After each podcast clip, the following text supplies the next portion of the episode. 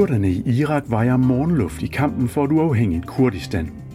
Efter at islamisk stat er fordrevet for det meste af det nordlige Irak, har præsidenten for den kurdiske provins, Masud Barzani, annonceret en folkeafstemning om uafhængighed den 25. september. Men udover kurderne selv er begejstringen til at overse. Regeringen i Bagdad kæmper naturligvis imod, men også Tyrkiet, Syrien og Iran frygter, at et ja til en kurdisk stat i Irak vil få deres kurdiske mindretal til at kræve en større uafhængighed. Og i USA og Europa beder man kurderne om i det mindste at udskyde afstemningen. Her er man bange for, at den kan antænde endnu en gnist i det mildt sagt ustabile Irak. Vi ser nærmere på kurdernes situation i denne udgave af DIS podcast.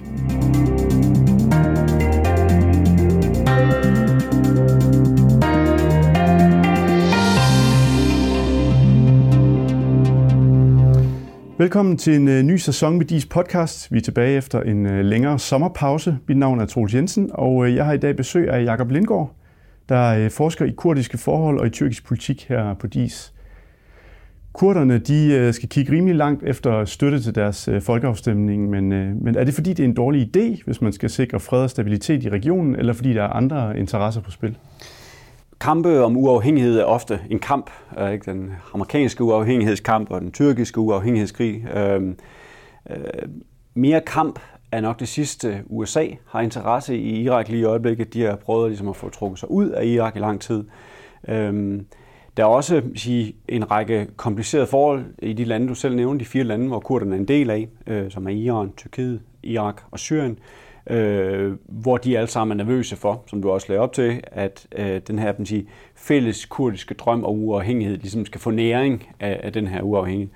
Udover det, så har, øh, er der en række tyrkmenske grupper øh, i øh, det kurdiske del af Irak, som Tyrkiet også man sige, øh, har et, et stærkt forhold til. Øh, der kan være noget om den her skepsis, øh, for at svare på de spørgsmål. Øh, I hvert fald noget af den. Øh, det handler for eksempel det her afstilling i et langt stykke hen ad vejen om Masoud Barzanis rænkespil for ligesom at blive på magten. Han er egentlig kun legitim valgt til 2013. Han fik så en forlængelse 2015, men siden 2015 har han ikke siddet som legitim valgt præsident øh, i øh, KRG, som man kalder den kurdiske regionale øh, regering dernede. Øh, men Øhm, spørgsmålet er, og det er det, jeg synes, vi måske kunne snakke om her, måske, øh, det er, om den øh, skepsis ikke er en smule for snæversynet og øh, kortsigtet. Øh, hvis man har en interesse i forskellige ting, det kan være i legitimitet, øh, men det kan også være i en form for varig stabilitet i regionen. Øh, så ser man på kurdernes historie, øh, ser man på øh, idé om nationalstat, øh, så ser man på jeg vil sige, en historie i første omgang, om øh, forskellige regionale, nationale, men sådan set også internationale magter, der har støttet diverse kurdiske grupperinger mod hinanden, men også imod andre øh, nationalstater ofte, eller mod regeringer, for ligesom at forråde dem eller forlade dem, og derfor med at sige, overlade dem til uldene, ofte er blevet nedslagtet på forskellige vis. Øh, det er det sket igen og igen i de fire lande, som kurderne var en del af, og spørgsmålet er, om det vil ske igen, hvis man ligesom trækker stikket på dem nu. Øh, så der kan være en form for historisk begrundelse her, som man skal kigge på i forhold til varig stabilitet. Øh, der er stadig mange udfordringer, øh, også interne øh, blandt kurdiske grupperinger, så det er en utrolig svær situation, øh, vi står for. Men de, de, har, de er altså blevet brugt i et politisk, eller i mange politiske spil op gennem historien. Øh, der er også sådan en, en, en, et spørgsmål om sikkerhedssituationen øh, i Irak, men mm. også i de andre kurdiske områder. Mm. Øh, hvordan kunne en, en kurdisk øh, selvstændighed, en øget kurdisk selvstændighed i Irak give mening i forhold til sikkerhedssituationen? Øhm, det er et stort spørgsmål. Uh, måske man skulle kigge lidt på, på kurdernes situation ja. uh, som baggrund, fordi et umiddelbart, uh, så som jeg nævnte til at starte med, vil jeg sige, at et, et krav om kurdisk uafhængighed nu meget let kunne føre til kamp, fordi hvis du ser på øh, Bagdad er imod, Iran er imod, Tyrkiet er imod, USA siger vent, øh, kurderne siger, at vi har ventet længe nu, Øh, der er mange, mange af de stærke spillere i regionen, som er imod det. Og hvis de så går ud og laver den afstemning, det, det er sådan set jeg sige, stadigvæk symbolværdi, øh, selvom de siger, at den er bindende. Der var en afstemning i 2005, der var symbolsk, eller der var vejledende nu, den her bindende. De sådan set vil holde afstemningen siden 2014, hvor de annoncerede det første gang. Mm. Den er så blevet udskudt på grund af krigen mod IS, øh, IS for eksempel. Øh, mange gange siden da. Øh, og de siger, hvis ikke nu, hvornår er så et godt tidspunkt? Øh, Så, så der, det, det, det, det, er, det kan føre til ustabilitet på kort sigt. Så det, der kan være en grund til at frygte, at det kan føre til ustabilitet på kort sigt, ja. Mm. Men vi vender lidt tilbage til det her med, hvorfor en, en, en kurdisk afstemning kan give mening i forskellige sammenhænge. Der er jo både en sikkerhedssituation og en regional situation med kurder i forskellige lande og sådan noget.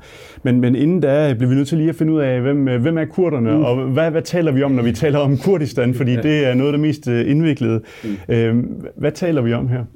Det er jo en dejlig region, har med at gøre. Den er, den er dejlig lige til.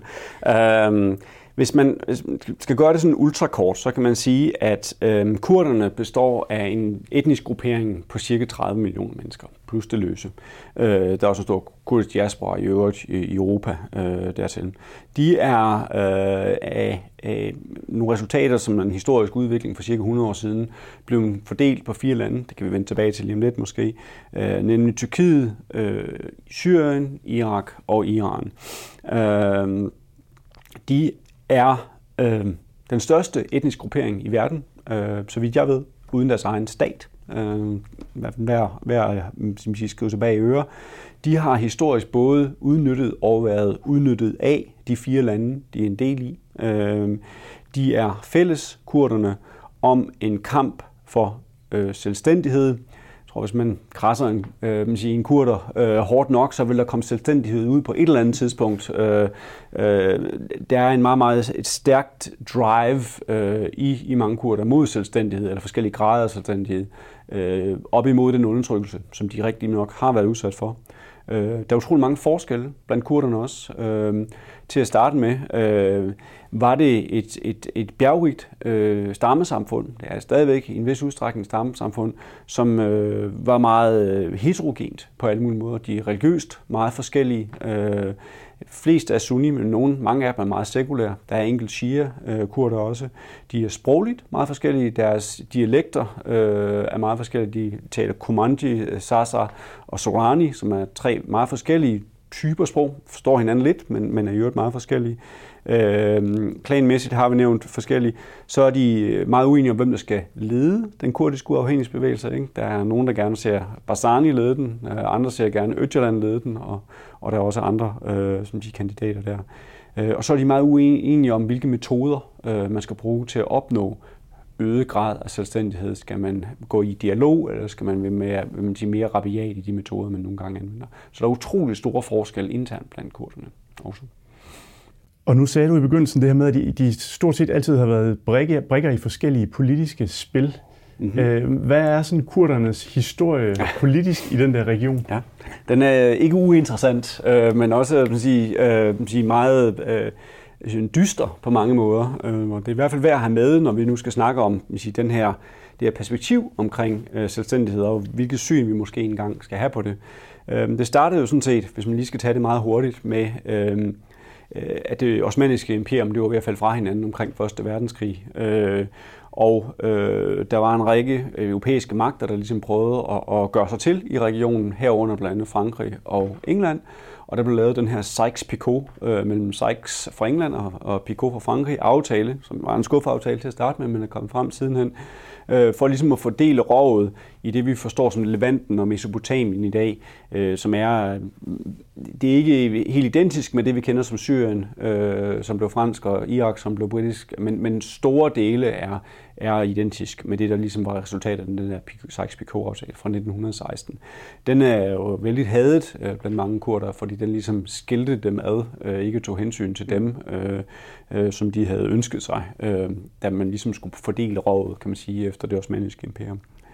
Øh, de fik så et håb nogle få år senere, hvor der var øh, blev indgået imellem den, den, den sidste sultan i Osmaneriet øh, fra Istanbul og Europa en såkaldt Sevra-traktat fra 1920, hvor de faktisk blev stillet et kurdisk område, Kurdistan, i udsigt i det, vi i dag kender som det sådan aller sydøstligste Tyrkiet. Øhm, øhm, det var dog en, en kortvarig sige, øh, håb, de havde der, fordi at øh, på grund af den tyrkiske uafhængighedskrig fra 1919 til 1922 og den efterfølgende Lausanne-traktat fra 1923, altså det sker alt sammen mellem 1916 og 1923 mm. det her, øh, så bliver Tyrkiet, man siger, får man udstand til det, vi kender som Tyrkiet i dag, og efter at have stået på landkortet med Sevres-traktaten i 1920, der er der ikke noget Kurdistan tilbage i Lausanne-traktaten tre år senere i 1923. Så de her man siger, historiske udviklinger fra øh, man siger, øh, Sykes-Picot-aftalen 16 og så frem til Lausanne i 1923, er de historiske man siger, begivenheder, der gjorde, at kurderne ligesom er blevet delt ud på de her fire lande, hvor de øh, befinder sig i dag. Nu er den, den tyrkiske nationalstat har jo øh, efter den tyrkiske uafhængighed sådan traditionelt med Atatürk og sådan noget været meget stærk. Øh, Syrien øh, har været faldet fra hinanden nu. Øh, Iran øh, har jo også et stort kurdisk mindretal osv. Mm. Øh, hvis man vender tilbage til, til, til mit begyndelsesspørgsmål, det der med, om, om en selvstændighedsafstemning øh, i virkeligheden kunne give mening, mm.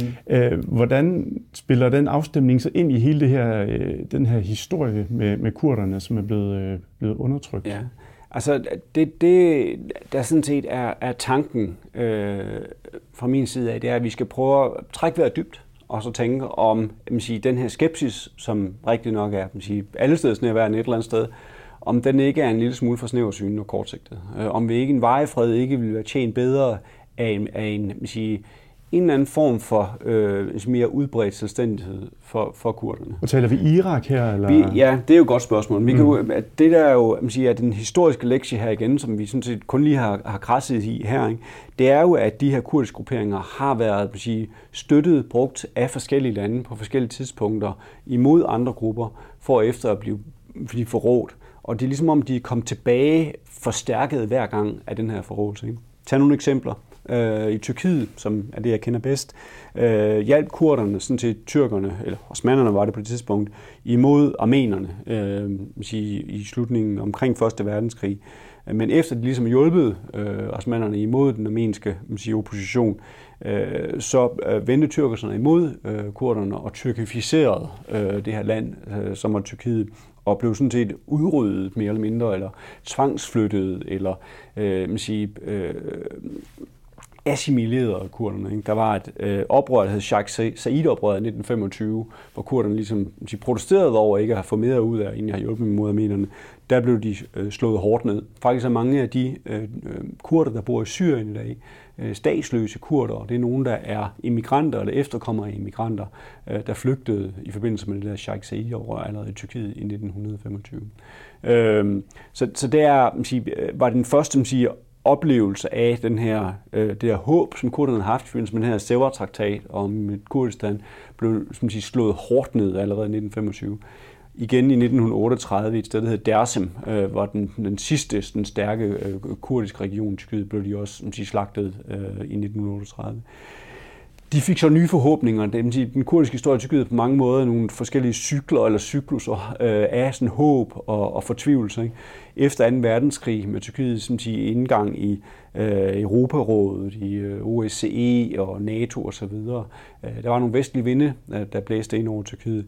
Det blev så godt skuffet sige, op igennem den kolde krig, hvor vi i Vesten nok var mere interesserede i at have Tyrkiet, et stærkt Tyrkiet, et stærkt militært Tyrkiet imod Sovjetunionen, end at hjælpe minoriteter i Tyrkiet, som gjorde, at, at, at du fik meget blodige 80'er og 90'er i Tyrkiet, som var en, en, en direkte borgerkrig mellem det her, der hedder PKK, der blev etableret i 1978, og den tyrkiske her. Mm. Øh, det, det kulminerede med tilfangetagelsen af PKK's leder Abdullah Öcalan i 1999, og han sidder i dag fængslet på en ø øh, ude for Istanbul, der hedder Imrali-øen.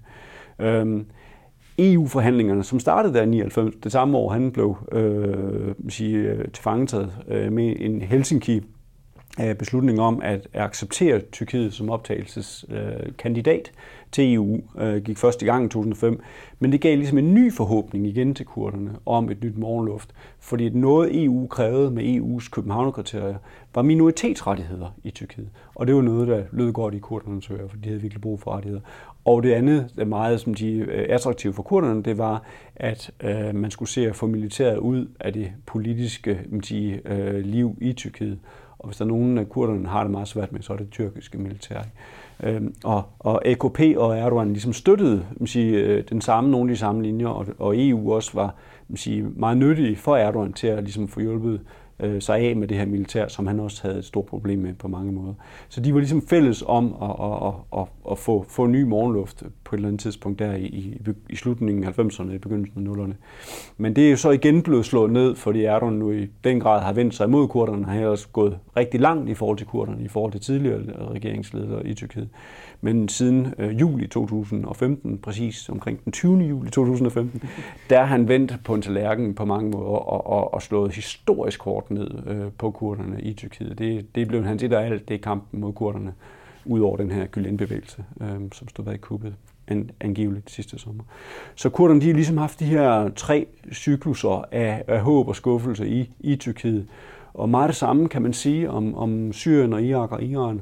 Hvis du ser på Syrien for eksempel, øh, nød de en vis beskyttelse under det franske protektorat op til 1946, hvor franskmændene sådan set stadigvæk var i det, vi kender som Syrien i dag. Øh, men efter at franskmændene trak sig ud, så var der den her pan-arabiske Baath-bevægelse, ikke, som, som førte til en, en arabisk nationalisme og en arabificering af, af områder i, i Syrien. Det hedder jo også den syriske arabiske republik, noget som kurderne har et kæmpe stort problem med. Blandt andet betød det en, en, en indførelse af noget, man kalder det arabiske bælte, Øh, grænsen imellem Syrien og Tyrkiet, det er faktisk øh, den gamle jernbane imellem Mosul og Aleppo.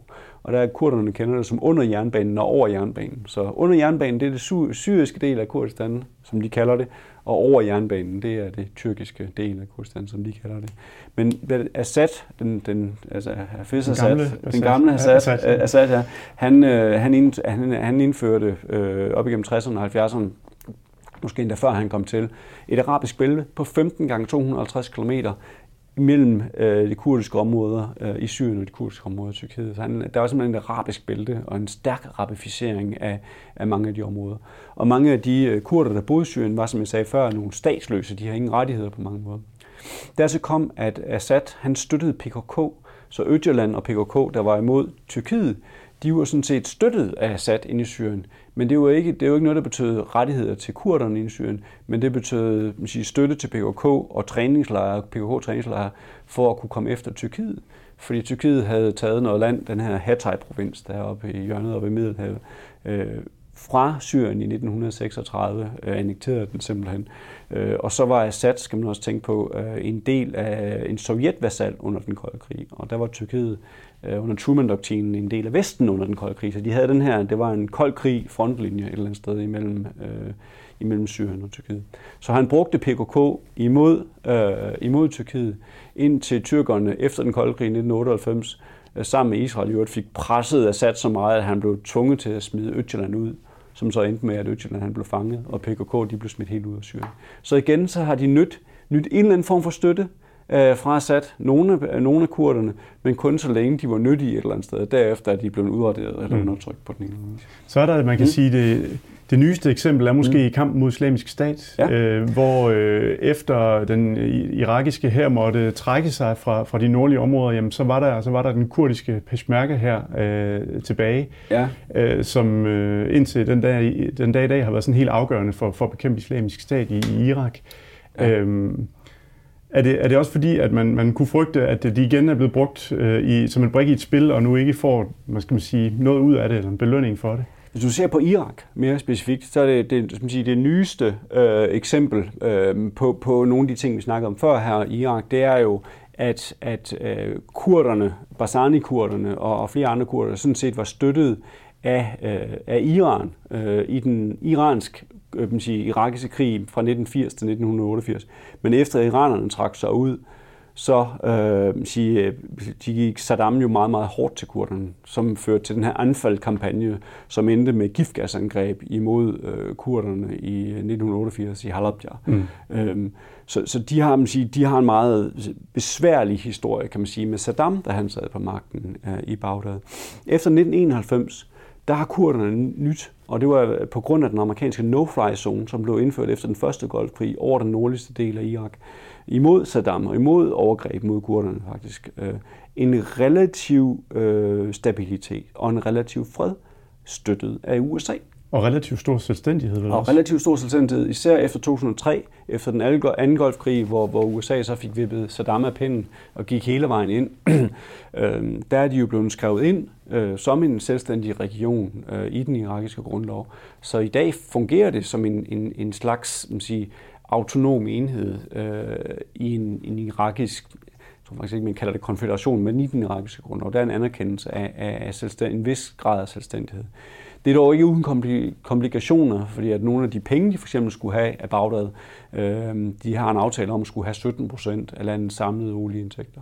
Det har de stort set aldrig fået. De fik 11 procent ind til Maliki, som kom før Abadi, som var mere hardcore og mere antikurdisk på mange måder.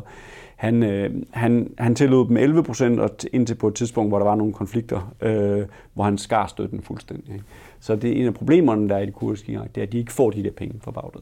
Hvad er det, der har udløst øh, den her plan om en folkeafstemning 25. september? Ja, altså, der har jo været et ønske længe. Altså, der var en, en vejledende afstemning i 2005, øh, hvor jo 95 procent af dem, der stemte dengang, stemte ja øh, til uafhængighed. Og det har sådan set været en, en, en, en, en mere bindende, som de kalder det, afstemning, ude hvad det præcis betyder, det er lidt svært at blive klog på, men en bindende afstemning siden 2014. Så den har været under opsejling nogle år, og man kan sige, at det her det er den, sådan den seneste version af det en 7,0 eller sådan et eller andet. Øhm, hvis du ser på de mere specifikke oplæg lige i øjeblikket, så handler det meget om, øh, som jeg også nævnte før, Basanis rænkespil internt imod nogle af, oppositionskræfterne i de kurdiske områder, øh, for ligesom at vinde sig en form for støtte blandt alle kurdiske grupper. Fordi mm. at hvis der er én ting, de fleste er enige om blandt de kurdiske grupperinger, så er det uafhængighed af en rigtig god idé. Og altså for eksempel har det øh, man sige, kurdiske parlament har ikke været funktionsdygtigt siden, var det oktober 2015, tror jeg det var. Øh, så du har ikke et funktionsdygtigt parlament, det er ikke parlamentet, der har vedtaget den her folkeafstemning, men han bruger det som et forsøg på ligesom at vinde legitimitet, øh, sige, sige, for ligesom at komme af med alle de der interne fniderier, som der, der er i øjeblikket i de mm. kurdiske områder. Øhm, så det, det er sådan den meget kortsigtede og, og måske mindre glorificerede udgave af, hvorfor vi ser den afstemning øh, komme lige i øjeblikket. Altså, men der er en langt historisk aftræk øh, mm. på den. Ved vi overhovedet, om øh, afstemningen bliver gennemført? Øhm, det er jo det store spørgsmål, og der har været mange meget skepsis, skepsis omkring det. Øhm, øhm, meget af det handler især om, om de her omstridte øh, sige, øh, områder, øh, som for, især Kirkuk, øh, mm. Øh, som, som de her KRG peshmerga er, de sådan set erobrede i 2014, hvor, hvor den irakiske her trak sig ud på grund af ISIL-angreb mod især Mosul.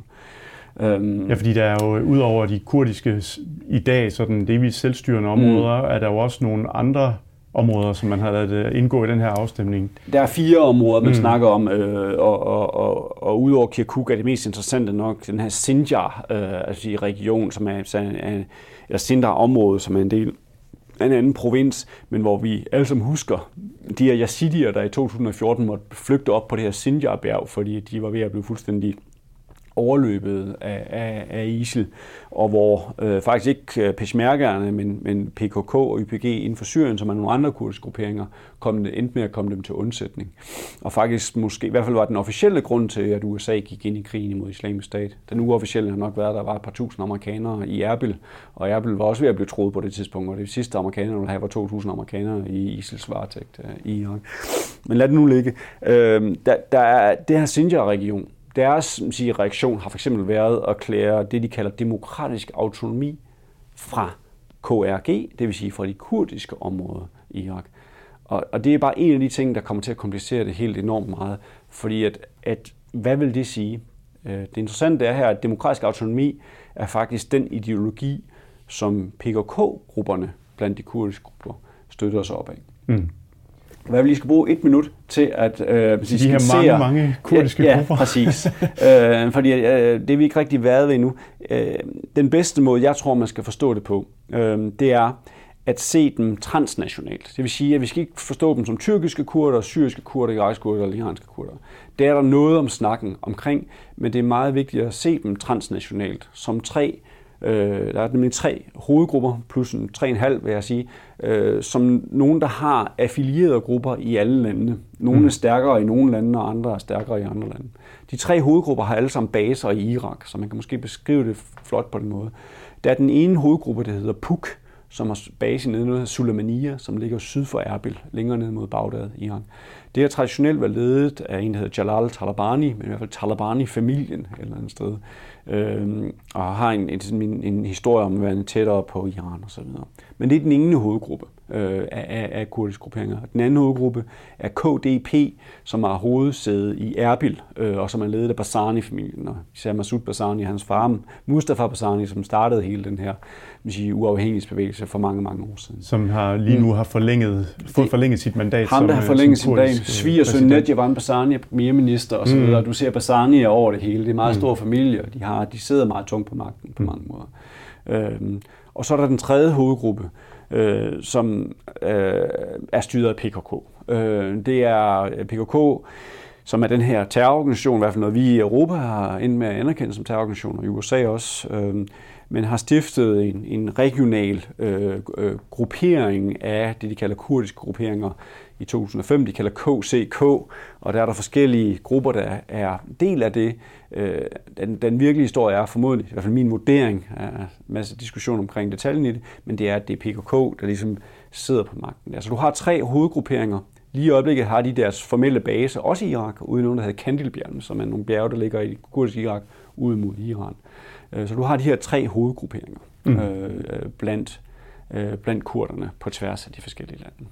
Så det har også en betydning for øh, sådan afstemningens gennemførsel, og, og hvad, hvad der sker, hvis, hvis den bliver gennemført. Ja, det der var årsagen til, at vi, vi, vi træk den her, de her tre grupper ind, det er, at den her øh, gruppe ude i Sinjar, øh, som jo har erklæret demokratisk autonomi fra KRG, det vil sige mm. for de andre kurder øh, i regionen, den her idé om demokratisk autonomi er en PKK-idé. Mm. Øh, og den kommer direkte fra PKK. Og hvorfor det? Fordi at de der Sinjar, øh, yazidier, skråstrej kurder, mange af dem også kurder, de siden 2014 har været støttet i stor udstrækning af PKK eller PUD-YPG inden for Syrien, som, som de hedder derinde.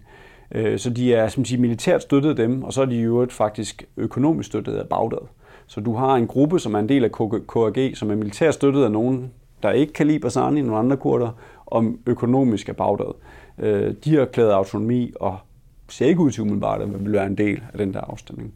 Så den, det er kompliceret nok i sig selv derude. Og så er vi ikke engang kommet til Kirkuk endnu, fordi Kirkuk er ekstremt kompliceret, fordi at det er øh, den del af Iran, der har den anden største naturressource, øh, man siger, depot, ikke? altså olie og, og gas. Og det er også der, den store olieledning, der er funktionelt, den eneste, der er funktionelt til Tyrkiet, den løber også ud af Kirkuk.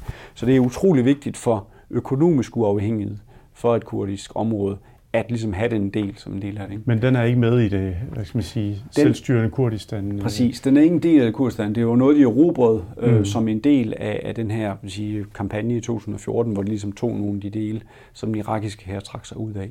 Det skal dog siges, at Kirkuk øh, er indskrevet i den irakiske grundlov i paragraf 140 som en område, der skal holdes en afstemning om, altså i forhold til sin status. Øh, og den, ifølge den række skulle det allerede have været i december 2007. Så det er over 17 år siden, eller 10 år siden, der skulle være den her afstemning. Fordi at det var et omstridt område allerede dengang. Og hvorfor var det det? Fordi at det er et område, der har været arabificeret af Saddam. Og efter 2003, hvor han øh, måtte miste magten og siden livet, der er mange af de kurder, der tidligere boede i det område, blev smidt ud, øh, etnisk udrenset, øh, er det rigtigt at sige faktisk her, er de kommet tilbage øh, til det område. Så det er et, et område, hvor kurderne står meget stærkt, og med nogen ret har en historisk legitimitet i forhold til. Men det er utroligt kompliceret øh, på alle mulige måder. Mm. Øh, fordi at øh, tyrkmenerne, der også er en stor øh, gruppe i Kirkuk, øh, assyrerne, der også er en stor gruppe i Kirkuk, øh, er imod den uafhængighed. Af en eller anden grund, øh, af alle mulige små fnidergrunden, så har de ikke nogen ønsker om at blive en del af et, et uafhængigt Kurdistan. Og så er der olien, der sætter alt det her på spidsen. Så er der olien også, ikke? fordi at det er jo noget af det, der har været mest komplicerende fra KRG's forhold øh, i, øh, mellem Erbil og, og Bagdad, kan man sige. Det er olien, fordi at en af, en af de ting, der var på tale 2014, da afstemningen ligesom blev lanceret første omgang, det var, at KRG kunne få lov selvstændigt at sælge deres olie, blandt andet fra Kirkuk, til Tyrkiet, eller via Tyrkiet ud i verden, for de blev skibet ud i verden via Tyrkiet. Det ville Bagdad ikke være med til, men omvendt ville Bagdad heller ikke betale dem de her 17 procent af samlet olie- og gasindkomst, der Irak har, til KRG. Så det, det er simpelthen et spørgsmål om indtægt, mm. om betaling, at der er masser af offentlige ansatte, af øh, militærpersonel osv., som ikke har fået løn i lange, lange perioder i de kurdiske områder. Så det er i høj grad et spørgsmål om penge. Men spørgsmålet er, om Bagdad de bare vil man sige, øh, give det der op. Øh, det, det kan være tvivlsomt. Ikke?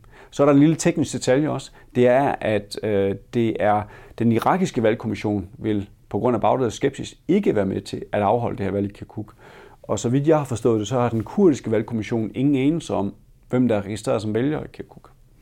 Og når du har en strid om araber mod kurder, mod tyrkmener, mod assyrer osv., så kan det blive et, et, nærmest en kriserklæring at finde ud af, hvem der har valgret mm. et eller andet sted i Kirkuk. Og om de kan nå at få sådan en tvist afgjort på en måneds penge, selvom de jo har, altså det, det lokalrådet i Kirkuk har ligesom givet grønt lys for, at, at afstemningen kunne holdes der, med, altså, øh, sige, øh, hvad hedder det, imod øh, ønskerne hos, hos, hos tyrkmener og syre, som boykottede øh, mm. den der afstemning. Ikke?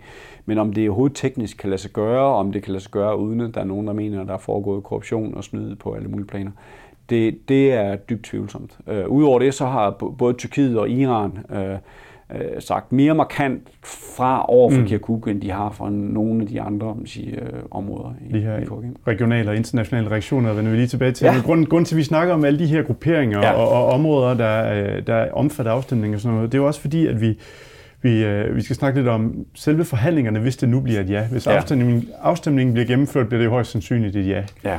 Øh, men, men hvad betyder det? Fordi det betyder jo ikke, det er jo ikke ens betydende med, at, at kurderne bare lige sådan har uafhængighed i Irak. Nej, øh, jeg har tidligere snakket om FN's rolle også i det her. Ikke? Det er jo i hvert fald et, et, et, en institution, som palæstinenserne, en anden gruppe, der har forsøgt at få uafhængighed i mange år, øh, har forsøgt at, ligesom at, at, at gøre sig til i forhold til. Ikke? Og den første reaktion fra FN, det er simpelthen at kaste hænderne op i luften og sige, at vi holder os ude af det her. Mm. Og det har de gjort meget interessant ud af deres Bagdad-kontor. Så de har et, et, et kontor i Bagdad, og, og har ikke nogen interesse i at blive en kastebold øh, i, i den her, og har ikke nogen interesse i at, at, at støtte op om det 100% i hvert fald til at starte med. Øh, så de har holdt sig sådan relativt passivt ude af det. Øh, og så er der jo et, et hav af forskellige internationale reaktioner, som... Øh, som øh, går fra den allermest stridbare øh, modstand imod det, øh, over nogle, nogle vælende europæiske holdninger på den ene side til øh, et britisk, øh, vi synes det er en god idé, men øh, vi synes det er et dårligt tidspunkt. De er jo selv i gang med Brexit, så de kan ikke være så meget imod en idé om uafhængighed. øh, til øh, italienerne synes for eksempel også, det er en god idé, og polakkerne synes, det er en god idé. Øh, til det tyrkiske, øh, vi skal have Bagdad med, eller synes vi, det er en dårlig idé, øh, og, og nogle mere sådan stridbare man sige, øh, modstand mod. Rusland jo, det er interessant nok, de har jo lavet for ikke så lang tid siden øh, nogle, øh, nogle af de første olieaftaler med KRG, bilateralt også, øh, og egentlig øh, de erklærer sig sådan relativt støttende øh, til ideen om uafhængighed. Jeg mener dog, at der skal en eller anden form for international sige, paraply at støtte op omkring øh, valget. Så de er, de er sådan relativt positive over for det, på trods af, at de selv har haft visse vanskeligheder med, med, med regioner af, af Rusland, som gerne vil løs, løsrive sig tidligere. Øhm, og så er der jo USA, Mm. Jeg ved ikke, om det, det, USA er jo det vigtige, fordi ja. USA har støttet dem øh, de facto faktisk helt tilbage siden 1991, hvis man skal være rigtig hård. Ikke? Øh, og, og særligt i krig mod, mod ISIL.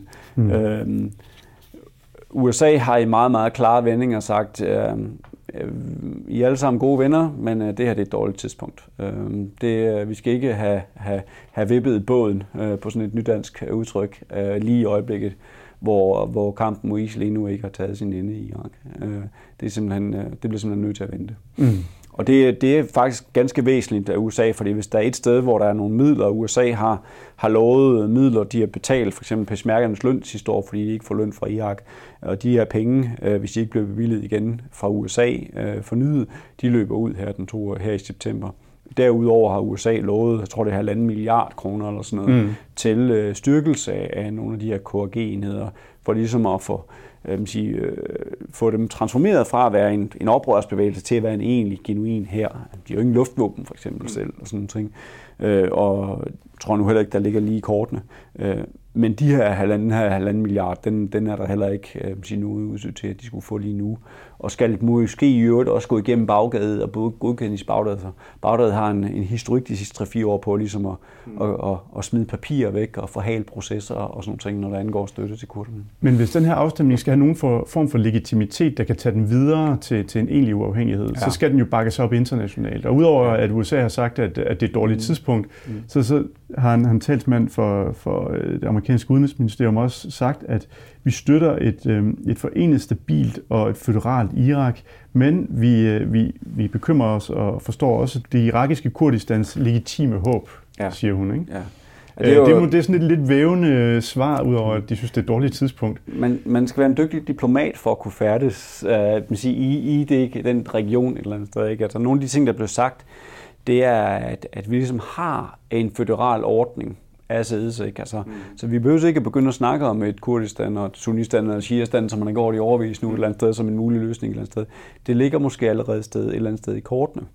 Øhm, og, og, og spørgsmålet er jo tit, som vi allerede har snakket om, det er spørgsmålet om uh, hydrocarbons, om olie og om gas et eller andet sted, ikke? og om vand. Mm. Uh, interessant nok har Iran faktisk lukket for vandet uh, på grund af det her valg. Der er en flod, der løber fra Iran og ind i de kurdiske områder, som de har spærret op for uh, på grund af det her. Og Tyrkiet vil kunne gøre det samme med Tigrisfloden, som løber ned igennem Tyrkiet. Ikke spærret fuldstændig af, men i hvert fald forhindre adgang til vand. Så det er vand, det, og det er olie, der det på mange måder handler om. Øhm, øh, Spørgsmålet er, hvad USA har interesse af olie. Det er faktisk en lille smule uklart. Man skulle mene mange, det er typisk, øh, de er der bare for oliens skyld, men faktisk er der, er der nogle af de virksomheder, som ligesom har investeret, og ikke fået det store ud af det nu, men investeret i olieinfrastruktur i de kurdiske områder, er sådan tyrkiske og iranske og andre virksomheder, ikke så meget amerikanske virksomheder. Mm. Så, så det er altså øhm, USA, de, de ja, det, det blev lidt en indikation, men USA har en, en interesse i ligesom at bevare et, et enhedsligt Irak, øh, også som vi startede med at sige, fordi at de ikke har nogen interesse i at skulle øh, være deltager i endnu en strid øh, sige, under opsejlingen i, i regionen. De trak sig ud i 2011, øh, fordi de mente, ligesom det arabiske forår var på sit højde, og havde de ikke gjort det, så godt være, at vi ikke havde haft alt balladen i dag, fordi det efterlod ligesom regionen i et ret komplet øh, magtvakuum på mange måder, i hvert fald Irak, øh, som måske var noget ISIL i den grad udnyttet øh, tre år senere, da de ligesom Europa stort linje. Så det vil de måske ikke på kort sigt. De har også accepteret at blive i Afghanistan og sådan nogle ting nu, ikke? selvom Trump sagde, at de skulle ud. Øh, men det øh, at skulle fornyet ind med fornyet styrke for ligesom at sikre sig, at der ikke kommer endnu mere konflikt mellem kurder og araber, for eksempel øh, Irak, det er slet ikke noget, amerikanerne ønsker sig. Når det så sagt, så har de også støttet kurderne meget markant, og det store spørgsmål det er, om de vil blive ved med at gøre det, også i, sige, efter ISIL nu snart er slået. der er ikke meget tilbage af den stat, som ISIL øh, klemede for 3-4 år siden. Så. Det er så den internationale støtte, men så er ja. der jo også øh, dem, som amerikanerne har støttet, øh, Peshmerga og så videre. Øh, mm. hvor, hvor, hvor meget betyder øh, den kurdiske hærs styrke i forhold til hele det her spørgsmål? Altså, de har en stærk her. Der er omkring 200.000 mand under våben.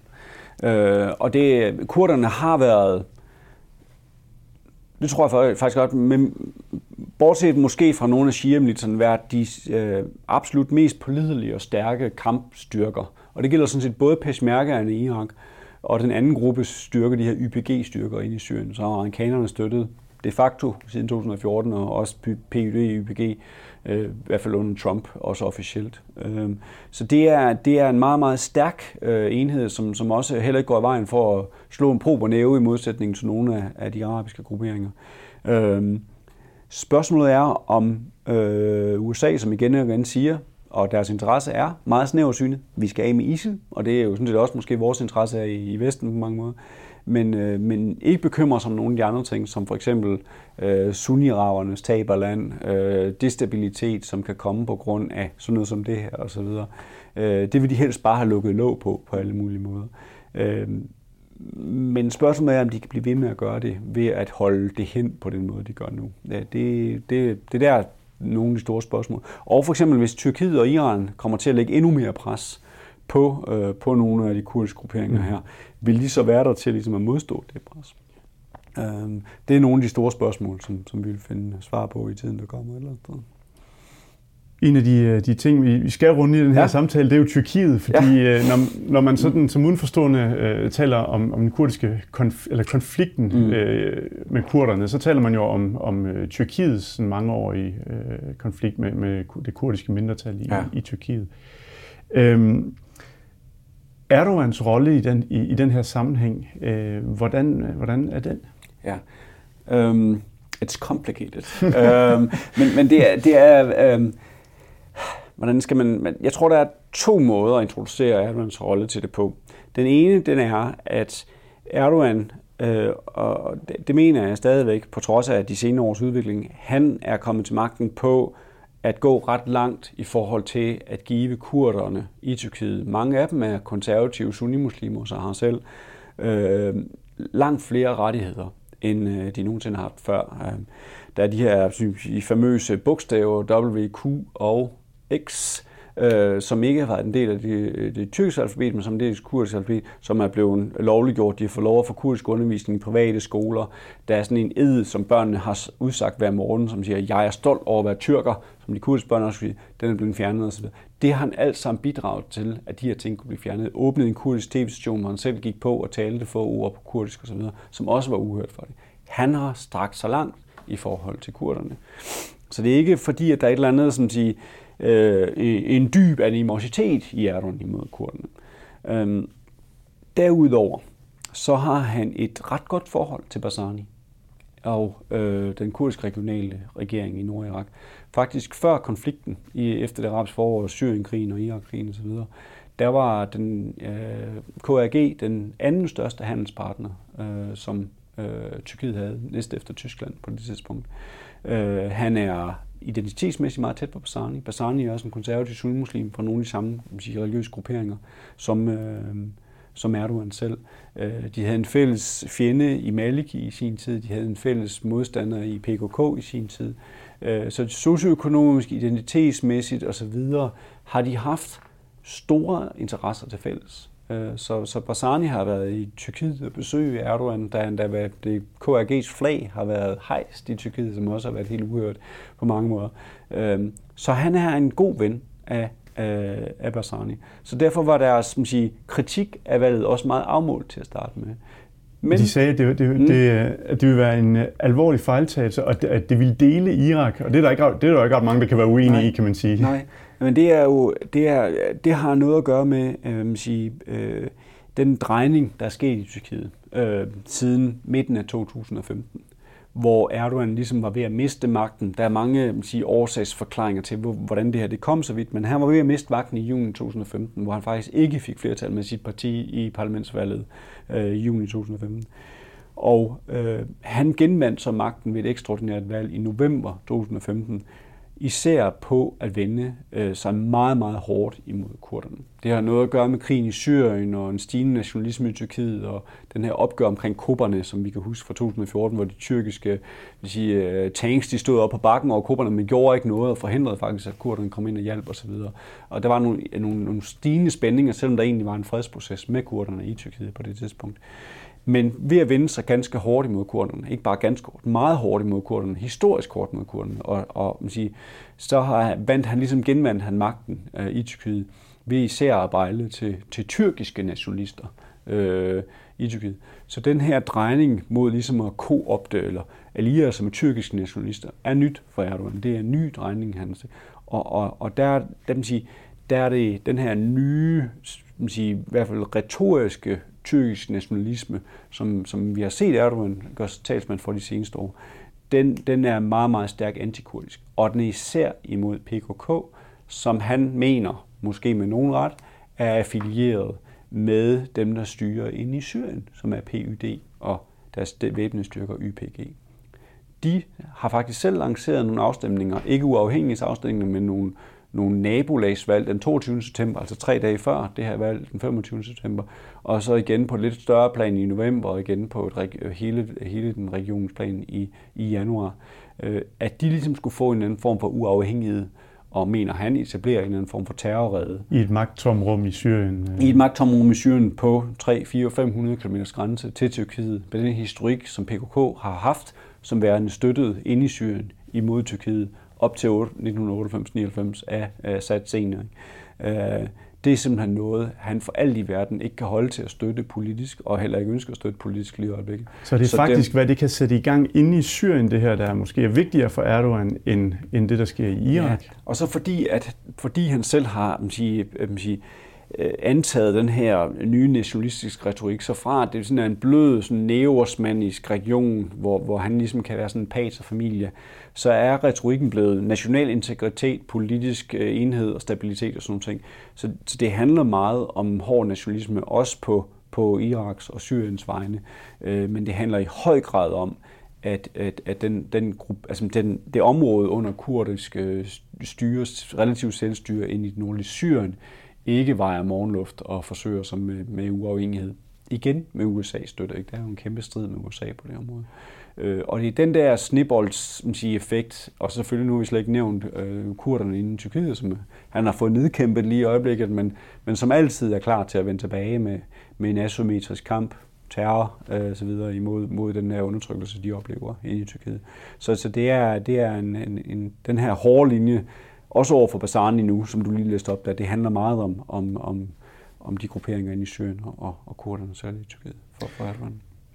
Øhm, kan en, et afstemningsresultat i Irak give en eller anden form for legitimitet for, for kurderne i Tyrkiet? Kan det betyde noget for, for hele det tyrkisk kurd, intern kurdiske spørgsmål? Mm, altså der er, jo det her, der, der er jo den her, som vi lige skitserede tidligere, den her 100-årsdrøm, ikke? Sykes-Picot eller den tyrkiske uafhængighedskrig, den her Sevra-traktaten, det Sevra-syndrom, som det hviler over mange i Tyrkiet, hvor du ligesom har, det var, det var for ty- tyrkerne var det, det symbol på det, det totale kollaps af osmanderiet og mangel på selvstændighed og, og, og suverænitet.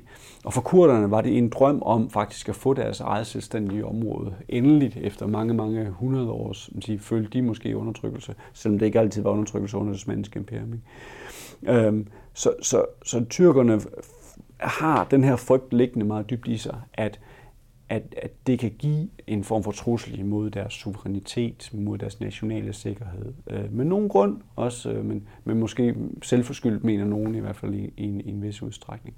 Så den der angst, den ligger meget, meget ty, øh, dybt i mange tyrker, og den er noget, der bliver, den bliver udnyttet meget stærkt politisk i de år, på grund af, af den her retoriske tyrkiske nationalisme, som Erdogan har slået ind på i hvert fald siden 2015. Mm. Hvis vi nu skal sådan opsummere, ja. så, så der er nogle, øh, nogle man kan sige, mangel, manglende international opbakning, ja. der er en øh, rimelig stærk regional modstand, og så er der også måske i virkeligheden vigtigst af alt sådan en, en, øh, en stor intern rivalisering blandt, øh, blandt de kurdiske grupper i, i alle fire lande i virkeligheden. Ja. Øhm, hvad betyder det for hele legitimiteten af det her valg den 25. september, hvis det overhovedet bliver til noget? Ja, altså det er jo, øh, man kan jo sige, at der er modstand på alle hylder ja. et eller andet sted. Det er der virkelig, både internt, som du siger, regionalt, globalt. Ikke? Øh, det er jo ikke en god start. Øh, øh, mange mere kyniske analytikere, godt være, jeg, jeg ved ikke rigtig, hvad jeg skal mene, hvis jeg skal være helt ærlig, mener, at, at han bruger det her øh, som det her rænkespil til Bassani, at, ligesom, altså. Bassania, til at vinde fornyet opbakning. For at sige, okay, så får du to år mere, kammerat, men så skal du også afblæse det der valg. Noget i den stil. Ikke? Mm. Øhm, så det kunne gøre, at, at han, han kaster håndklædering i sidste ende, hvis han får indrømmelser nok. Øhm, spørgsmålet er, om han kan holde til at gøre det igen.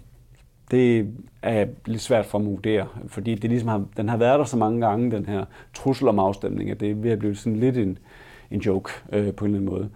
Øhm, hvad gør vi så ved den her modstand? Eller hvad kan man gøre ved den her modstand? Det er, der er grund til at være skeptisk, vil jeg sige, legitim skeptisk på vegne af stabilitet på kort sigt. Ikke? Især hvis, hvis Tyrkiet og Iran for alvor blæser sig op øh, i deres modstand imod øh, det her.